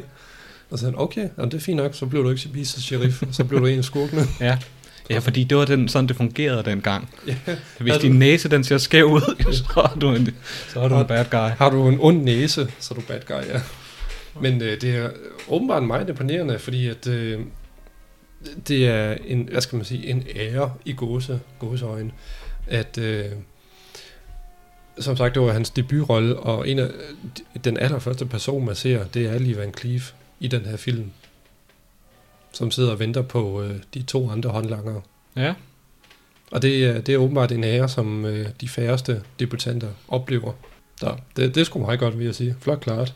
Så, så snakker han åbenbart ikke. Han har ikke en eneste, en eneste replik, nej, men altså, hvis man har et, øh, et ansigt, som siger alt. som... Ja, jamen, altså, ja, Mm. Det, det er jo det, han, øh, han bruger det her til. Og altså, jamen, han, han fortsatte jo som skuespiller. Han havde noget at, at bringe. Mm, ja, øh, og, bestemt. og efterfølgende jo også ud, altså mere end bare sit ansigt. Ja. Skævt eller ej. Altså, jeg, jeg synes jo, at han gør det fantastisk, i, fantastisk i sine skurke, skurkeroller i for eksempel i Dollars, øh, nogle af de der Dollars-film. Men jeg synes virkelig også, at han er sympatisk i en af de der, hvor han er den gode øh, bounty hunter. Øh, han er sammen med Clint Eastwood. De spiller bounty hunters begge to. De har sådan noget ri- rivalisering kørende. Og er det lige Van Cleef, han er jo faktisk god og ligesom oplærer Clint Eastwood lidt. Jeg kan ikke huske, hvad fanden. Jeg tror, øh, der er en nævefuld dollars. Og hvad er der med ellers? Der er den der, hvor det, jamen, der, der er efterfølgeren, ikke? Jo, som jeg ikke kan huske. En, en, en nævefuld dollars mere, eller Ja. sådan et eller andet. Jeg kan ikke huske det, Og så det, den det sidste, det danske er jo- navn. Den sidste er den gode, den under den grusomme. Ja, nå ja, selvfølgelig. Men der spiller ja. han jo også hun i. Øh, Der, men, var han, Nå, altså, der var han jo fantastisk. ja. Men anyways, det er den midterste, den midterste film, som vi ikke lige kan huske, Nej, hvad ja, den hedder. den kommer. Øh, Hævn for dollars, måske tror jeg den faktisk, den hedder. Øh, nå, men anyways, der spiller han jo en god dosørjæger, øh, og det gør han virkelig godt. Jeg synes, han er sympatisk i den film. Så, så han kan også spille gode roller, selvom hans ansigt er imod ham. Ja, men han, øh, han, han, altså, han har et ansigt, der gør, at man kan genkende ham, og altså, han, han er værd at se på. Han har, han har noget, han kan komme med. Ja, det synes Og jeg det bestemt. var, det var godt. Og så, hvad, hvad synes du egentlig sådan om åbningssekvensen? Fordi at, øh, jeg var sådan lidt, da den startede, så troede jeg, at jeg forventede, at der kom sådan noget meget bombastisk musik. Bum, bum, bum. Men så starter den stille ud med sådan de der trommer, som du... Nej, det ved jeg ikke. Altså, altså, du skal jo tænke på, at det er jo en, altså, det er en, en film tilbage fra, fra 50'erne. Mm. Øh, så bombastisk, det tror jeg ikke er, er ting, som film var dengang. Nej, men øh, vi har Øh, begge to sådan set Nevada Smith for eksempel, og det starter også ud med sådan lidt øh, humoristisk western musik på en eller anden måde. Jeg troede, det var sådan i samme genre, hvilket Ja. det så ikke var. Nej, øh, ja, nej, men øh, altså, jeg, jeg tror, at jeg, jeg så den bare øh, og tænkte, jamen, sort-hvid film, det er sådan en, en klassisk, en fin film. Mm. Øh, men, øh, men åbnings, altså, jeg synes, det var en, en, en fin musik, mm. øh, og den er jo meget, altså, meget ørehænger, der, der er med Mm. hele filmen igennem. Øh, Altså, jeg vil gerne påpege, at da jeg kom her i dag for at snakke med dig, så kunne jeg høre, at du ligesom rendte lidt rundt og nynnede den lidt. Den der, de synger, Do not forsake me, oh my darling. okay. Det kan du ikke benægte, at du gjorde. Nej, det, det må jeg jo så nok ikke gøre. Mm-hmm. Så, øhm, Ja. Men ja, den starter, altså, det er jo ligesom hovedtemaet, kan man Det er, sige. ja, og det dukker op hver, jeg tror næsten hver gang han går ned gennem strøget, Ja. jamen så bliver den sat på igen. Øh, det, det er lige før, at øh, du hører den temamusikken mere, end du hører folk tale. Ja. Det er en, en, en meget øh, ørehænger musik. Mm. Men også fordi, at den starter ud med sådan meget sådan, de, så de der trommer, det gør sgu et eller andet, vil jeg sige, sådan, eller noget i den retning. Øh, og så går det over i, hvad fanden er det? jeg tror det er Tex Ritter, der synger den. En åben person, åbenbart var sådan en country-sanger. Ja, jamen, det er jo det er meget, øh, ja, som du selv siger, country. Altså, det, det er western musik, Mm. vi har fat i her, hvilket er det, der gør, at den passer øh, til, til filmen. Mm. Og det, det er en dejlig... Ja. Altså, jeg kommer nok til at høre den igen. Ja. Øh, Altså- jeg, det kan godt være, at, øh, at jeg ikke er vild med, øh, med en film, der, der som jeg har snakket om, fejrer øh, fejhed. Men, men musikken, den vil jeg nok godt kunne komme til at høre Ja. flere gange. Jeg synes også, øh, den, den, den overvinder en på en eller anden måde, fordi da jeg hørte den første, tænkte jeg, hvad fanden, hvad er det for en sang? Og han synger jo ikke særlig godt, synes jeg, øh, ham der synger sangen, men øh, så det ved jeg ikke, så, så når man, hvis man hører den nok gange, Jamen, så jeg vil bliver sige, han, han synger som en, en, som jeg vil forestille mig, en country-sanger synger. country, Country. Country. count, county, En count country. ja. Musikken øh, er jo lavet af en, der hedder Dimitri T. Omkin, øh, som åbenbart var ret populær i sin tid. Øh, Ikke åbenbart, det var Det er tilbage i 50'erne. Ja, han øh, vandt to Oscars. Bedste musik og bedste sang. Er det ikke vildt? Det er det. Ja. Og det var den her. Det var den her, ja. Øhm, og, og sangen blev åbenbart ret populær, fordi den blev, øh, den blev udgivet i forbindelse med filmen. Øh, og så, er den, så har den fået øh, det, altså det ry for, at det var den, der var med til at redde filmen, fordi at folk lyttede til sangen først, og så blev de så måske sådan interesseret i, hov, hvad er det for en film? Og så har de sådan også været inde for at se filmen. Ja, så havde man lyst til at, at se mere, ja lige præcis. selvom der ikke var nogen, der gad at hjælpe helten. ja, lige Ja. præcis. Og det er jo så nok også, eller det ved man selvfølgelig ikke, men det kan have været med til, at, øh, at det, at den bliver spillet hele tiden, og folk de bliver siddende i biografen. Mm. Det, de synger om, det er faktisk det, hvad der sker i filmen. Sjovt nok. Ja, øh, Jeg ved ikke, om jeg kan sige det sjovt, men ja, det, det er faktisk det er meget beskrivende. Du kan, mm. du kan næsten, hvis du ikke er i tvivl, eller hvis du er i tvivl, om du gider at se filmen, jamen, så kan du lige høre til musikken først, Ja, lige og præcis. så, så har du fundet ud af, "Ah, okay, det er måske det værd. Men, men det er sjovt, du siger det der med, at, øh, at, øh, at fejhed for eksempel er en stor del af, af filmen, fordi det synger de jo også om i sangen, fordi altså, er jeg, er jeg en mand, øh, altså, skal, Do not forsake me, uh, darling, mener jeg, teksten Ja. ja. siger. øh, og også er mig og coward. Øh, jeg tror også, det er ja. Med om at do what a man skal do, eller noget ja. i den retning. Øh, Ja, som, som jo direkte er en, en af de linjer, som uh, Gary Cooper han nævner. ja. Uh, Så øh, jamen, jeg, jeg synes, øh, jo mere man ser filmen og lytter til soundtracket, jo mere passer det sammen, synes jeg på en eller anden måde. Så øh, jeg, jeg er helt tilfreds med, med musikken i det. Det, er det var sgu. en god musik. Ja, men også meget minimalistisk. Altså man hører trommerne, og man hører øh, øh, sangstemmen men, i ny og næ, men, men det, det går, det går, altså musikken går virkelig først op, sådan i, i de bombastiske niveauer til sidst, kan man sige. Men man kan også sige, altså, du behøver ikke mere, egentlig. Nej, nej. Og, og det, altså, det gjorde man ikke dengang, og det kan man sige, det gør du egentlig heller ikke nu. Uh, altså, det, den har jo det hele, og den, som, som du siger, det, det beskriver jo handlingen hele vejen igennem. Mm. Uh, vi behøver ikke at gå op i, at vi skal lige pludselig have nogle techno-satser, vi skal gå over til noget lidt mere klassisk musik, vi skal have rock and roll. Mm. Det, det kan gøres nemt og enkelt, meget minimalistisk. Ja, og det, øh, ja, og det fungerer nogle gange, og det fungerer her, synes jeg i hvert fald. Filmen øh, blev instrueret af Fred Zinnemann, som øh, har vundet fire Oscars i sin karriere. Han instruerer blandt andet Oklahoma, oh, Oklahoma, og herfra til evigheden. Produceret af Stanley Kramer og skrevet af Carl Forman, som du også har sagt. Øhm, og jeg tænker, vi behøver ikke gå, gå mere ind i dem. Dem har vi Nej, snakket er, nok om. De er gode mennesker, ja. alle sammen. Good people, good ja. people. Øh, altså, det har vi jo fundet ud af nu. Der var jo nogen, der var så uheldige at blive, øh, øh, hvad hedder det, kan man sige, smidt ud af landet. Mm, som ja. vi jo har snakket om med Carl Forman, men... Ja, ikke George Foreman. Nej. Der er åbenbart mange amerikanske præsidenter, som elsker den her film. En lille fun fact, synes jeg.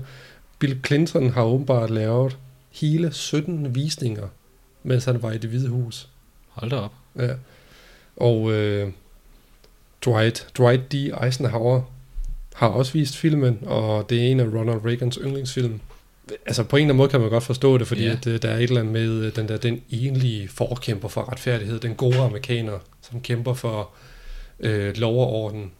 Jamen, det er, jo, det er jo det, ikke? Og så samtidig, så kan man jo så, man kan jo se det fra begge, begge sider af, af sagen. Mm. Fordi samtidig, så, hvis man tænker på, at det jo netop er en film, der, der beskriver hele den her øh, blacklist-periode mm. øh, med McCarthy, jamen, så, så er det jo en, en film, der måske mere blev lavet for, for kommunisternes skyld.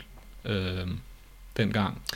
Jamen det var det, altså, øh, altså det skulle man jo tro jo, hvis man tror på McCarthy og hans øh, kompaner, så at sige, ikke? Jo. Så det er der også derfor, man undrer sig over, at Ja, den især, blev sådan en, altså fik en, en legende-status, som ja, den har fået.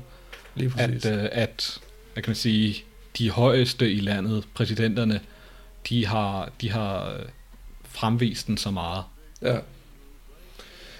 Og jeg ved, altså, jeg kan godt forstå, hvorfor nogen i en kæmpe magtstatus, altså at de ser sig selv som sheriffen. Men jeg føler på en eller anden måde, at de bare misforstår budskabet på en eller anden måde, fordi det er jo ikke meningen, at man skal gå alene, øh, når man styrer en kæmpe nation. Nej, man, man bør ikke gå alene. Du altså, er måske i front, men du har stadigvæk nationen bag dig. Mm. Øh, og det kan man sige, det er jo lige netop det, han ikke har her. Ja. Altså hele øh, nationen, eller, eller byen, byen som ja. det er i den her, det har simpelthen vendt ham ryggen. Ja. Så øh, ja, så ja. lidt underligt, så. men altså, sådan er det jo. Altså, jeg synes jo også, den er ret god. Men jo. det er jo samtidig også den her, hvad kan man sige, forherligelse af The Lone Ranger øh, syndromet. Det er så som, øh, som er ja, som er det amerikanske. ja. Den øh, har ja, som jo er noget de er glade for og ja, ja mere er der vel ikke at, at sige om det. Nej, det er rigtigt. Øh, jeg vil godt lige prøve at nævne nogle mindeværdige scener. Øh, jeg har to, og så vil jeg høre, hvad du synes om det, øh, om, om ja. du kan vælge en af dem. Der er scenen med stolen, hvor dommeren fortæller, hvad Frank Miller råbte til Kane, dengang han blev anholdt. Jeg ved ikke, om du kan huske det, altså, I'll kill you, eller han, de zoomer ind på stolen, som Will Frank Miller sad på mens dommeren ligesom siger, kan du ikke huske, hvad han sagde til dig dengang? Han sagde, at han ville slå dig ihjel, han vil vende tilbage og slå dig ihjel. Og så zoomer de bare ind på stolen, og, man kan, og jeg synes bare, det, man kan næsten forestille sig det, hvordan han har siddet den stol ja, og sagt at, at Miller han sad der. Ja, lige den gang. Jeg synes, det er flot. Og så er der et andet skud, øh, eller sådan en kameraskud, hvor øh, Kane han går alene i byen, til, lige til sidst, inden han går ned til togstationen, Så går han, jeg tror han går ud af sheriffkontoret og kigger sig omkring, og så er han fuldstændig alene i byen, og kameraet det ligesom trækker tilbage og viser, hvor alene han er. Jeg synes, de to er no- nogle af de mest mindeværdige scener. Hvis du skulle vælge, hvad vil du så vælge? Jamen, jeg synes, øh, de er, de er begge rigtig gode. Øh, ja, ud af de to, vil jeg sige, der kan jeg især godt lide øh, med dommeren. Øh, Mm. Fordi at, at dommeren, øh, før, før han begynder at snakke om det her, der ser man, at han, jamen, han pakker det amerikanske Ja. flag sammen. Genialt, det er så genialt. Som, jamen, ved du hvad, det hører ikke hjemme her længere. Mm, lige Øhm, præcis.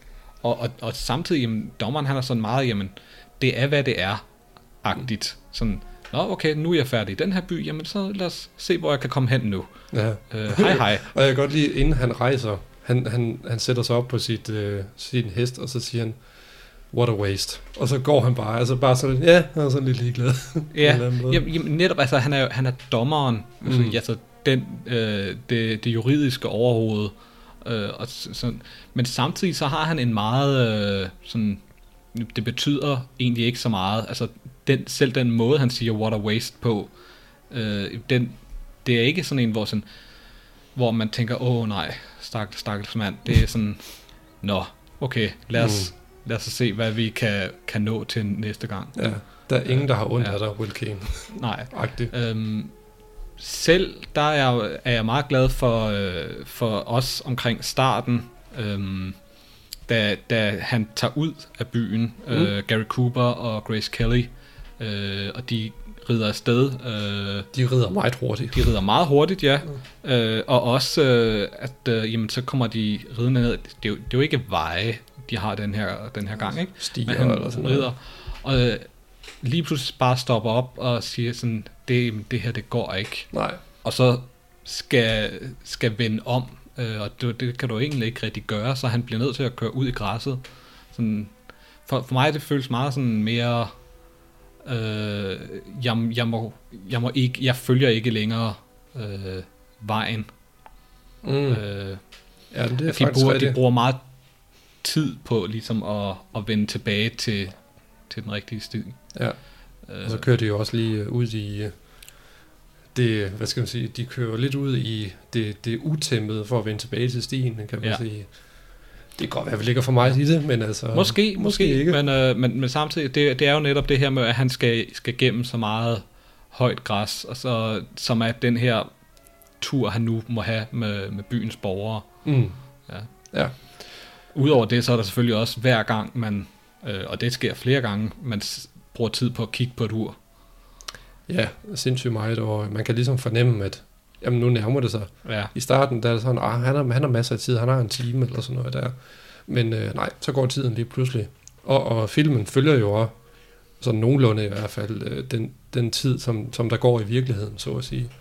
Altså, sheriffen ja. Har en time, og filmen varer en time og 20 eller noget i den retning. Så ja. Noget, som jeg også godt kan lide ved den her film, det er de ting, der ligesom bliver fortalt mellem, mellem linjerne. Og vi har været lidt inde på det. Blandt andet, øh, altså, hvordan var forholdet mellem Ellen Ramirez og Will Kane? Det har vi snakket om. Hvad var, hvordan var forholdet mellem Frank Miller og også Helen Ramirez? Men også, hvordan var byen, før Will Kane drev Frank Miller ud af byen? Fordi at vi får jo at vide, at han rent faktisk havde seks vice-sheriffer dengang. Ja, til, Men- at, til at hjælpe ham. Ja. Så altså, byen må jo virkelig have været et, et, en, øh, hvad skal man sige, en, en pøl af, eller hvad skal man sige, en gangsters paradise på en Ja. eller anden måde. Ja, man, man ser jo for eksempel øh, på et tidspunkt, der går han ind i, i baren for Mm. at bede om hjælp. Ja. Øh, og der er, der er så også her er nogen, der skal sige sådan, men der er jo rent faktisk nogen af os, der ikke kan lide dig. Ja, præcis. øh, og der er nogen af os, der gerne vil vende tilbage til, til hvad vi havde før. Ja, ja, fordi vores forretninger boomede, mens Frank Miller var her.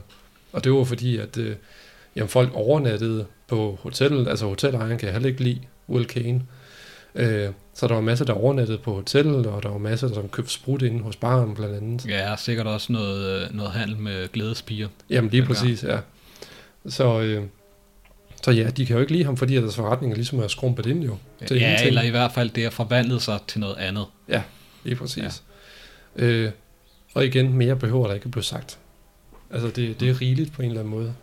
Øh, og også det der med, øh, der er altid to sider tænker jeg, til, til en sag, kan man sige, på trods af, at størstedelen nok bedst kan lide sådan, som byen er blevet nu. Øh, også fordi der er jo en kvinde, der siger, jamen kan I ikke huske dengang, hvor en kvinde ikke kunne gå ned ad gaden, uden at blive antastet? Øh, og der kan man jo også bare fornemme, jamen, det, altså det jo simpelthen været øh, måske Las Vegas-agtigt på en eller anden måde. Altså det har været helt op at køre. Ja, jamen netop, ikke? Øh, og, og så samtidig med, så er der så det med, at der er nogle af mændene, der tænker sådan, men det betyder jo ikke noget for os. Mm. Øh, og, og de vil gerne vende tilbage til den her tid. Det kan selvfølgelig også godt være, at det bare er, er alkohol, alkoholen, der gør, at de tænker sådan. Mm. Men, øh, men lige netop i den situation, hvor man skal vælge imellem at, at vende tilbage til noget, som de egentlig har prøvet før, eller at stå øh, på den anden side af en revolver, Mm. jamen, hvad vil man så helst? Ja.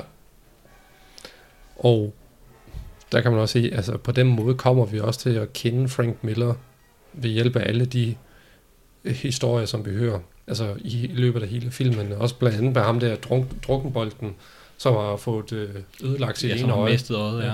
Altså, og det- fornemmer jeg, at det er Frank Miller, der har gjort et eller andet mod ham, som gør, at han vil tage hævn, men han er bare så fuld af alkohol, at han det, ikke kan. Ja, men det er jo netop derfor, at han, for, han er en af de øh, få personer, der rent faktisk har lyst til at stille sig mm. Mm. ved siden af sheriffen. At han så ikke kan, fordi han er for fuld og øh, har mistet, hvad hedder det? Ja, dybde perspektivet. perspektivet, ja. ja. Det er rigtigt. Så altså, masse historier, som, som gør det til en, ja. en, en, en, hvad skal man sige, en, en hel, en hel oplevelse, synes jeg i hvert fald. Der, der er meget, øh, når man først sætter sig ned og, og gennemtænker filmen, så er der rigtig meget at, at snakke om, og altså egentlig øh, lægge, hvad kan man sige, stemning, altså øh, forklare, hvad, hvad er det egentlig, der foregår i den her film. Ja, lige præcis. Der, det hele betyder noget. Jamen, det gør det. Og øh, det er måske også fint nok, at den er så kompakt, så der ikke er nogen unødvendige scener med. Har du mere, du lige vil sige om High Noon? Altså, nej. Øh, som sagt, man skal være forberedt på, det er en, en film, der, øh, der ikke, der, der ikke, der ikke hjælp at hente i den, øh, kan man sige. Altså, jeg ved ikke, hvordan, man skal sige det. Mm. det jeg, jeg er gladere for at se øh, film, hvor at, øh, man, vi står skulder ved skulder, Mm. øh, i stedet for den her slags øh, forræderi. Øhm, men, men ellers, altså se den, fordi det er en god film, og jamen, ja, der er masser at, at fortolke. Mm, bestemt. Ja, altså, øh, jeg synes bestemt også, at man skal give den en chance. Altså, det er lige meget, at den er gammel og sort-hvid. Den holder 100%, synes jeg i hvert fald. Øh, og det var, det var sådan set det, vi havde at snakke om. Det var det. Ja. Ja. Så er vi endevendt High Noon. Ja, Jamen, øh, det var øh, dejligt. Ja, jeg vil sige tusind tak, fordi at du lige vil komme og besøge øh, på jagt efter John Wayne. Det er Ja. vi glade for, Jamen tak, fordi jeg måtte være her. selvfølgelig.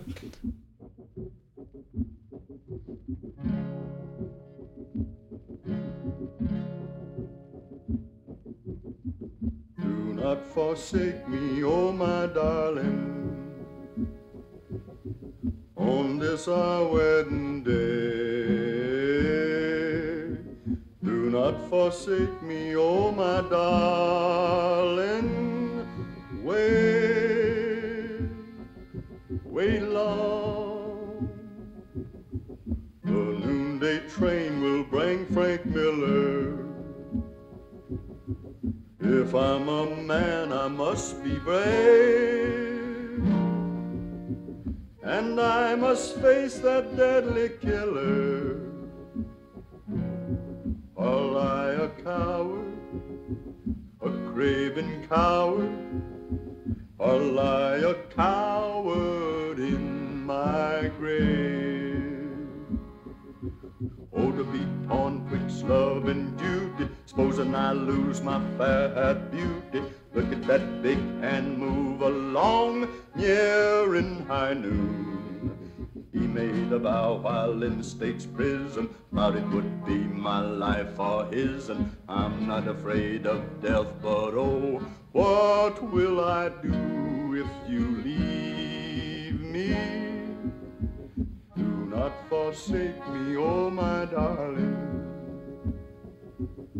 You made that promise when we wed. Do not forsake me, oh my darling. Although you're grieving, I can't be leaving until I shoot Frank Miller dead. Wait long, wait long, wait long, wait long.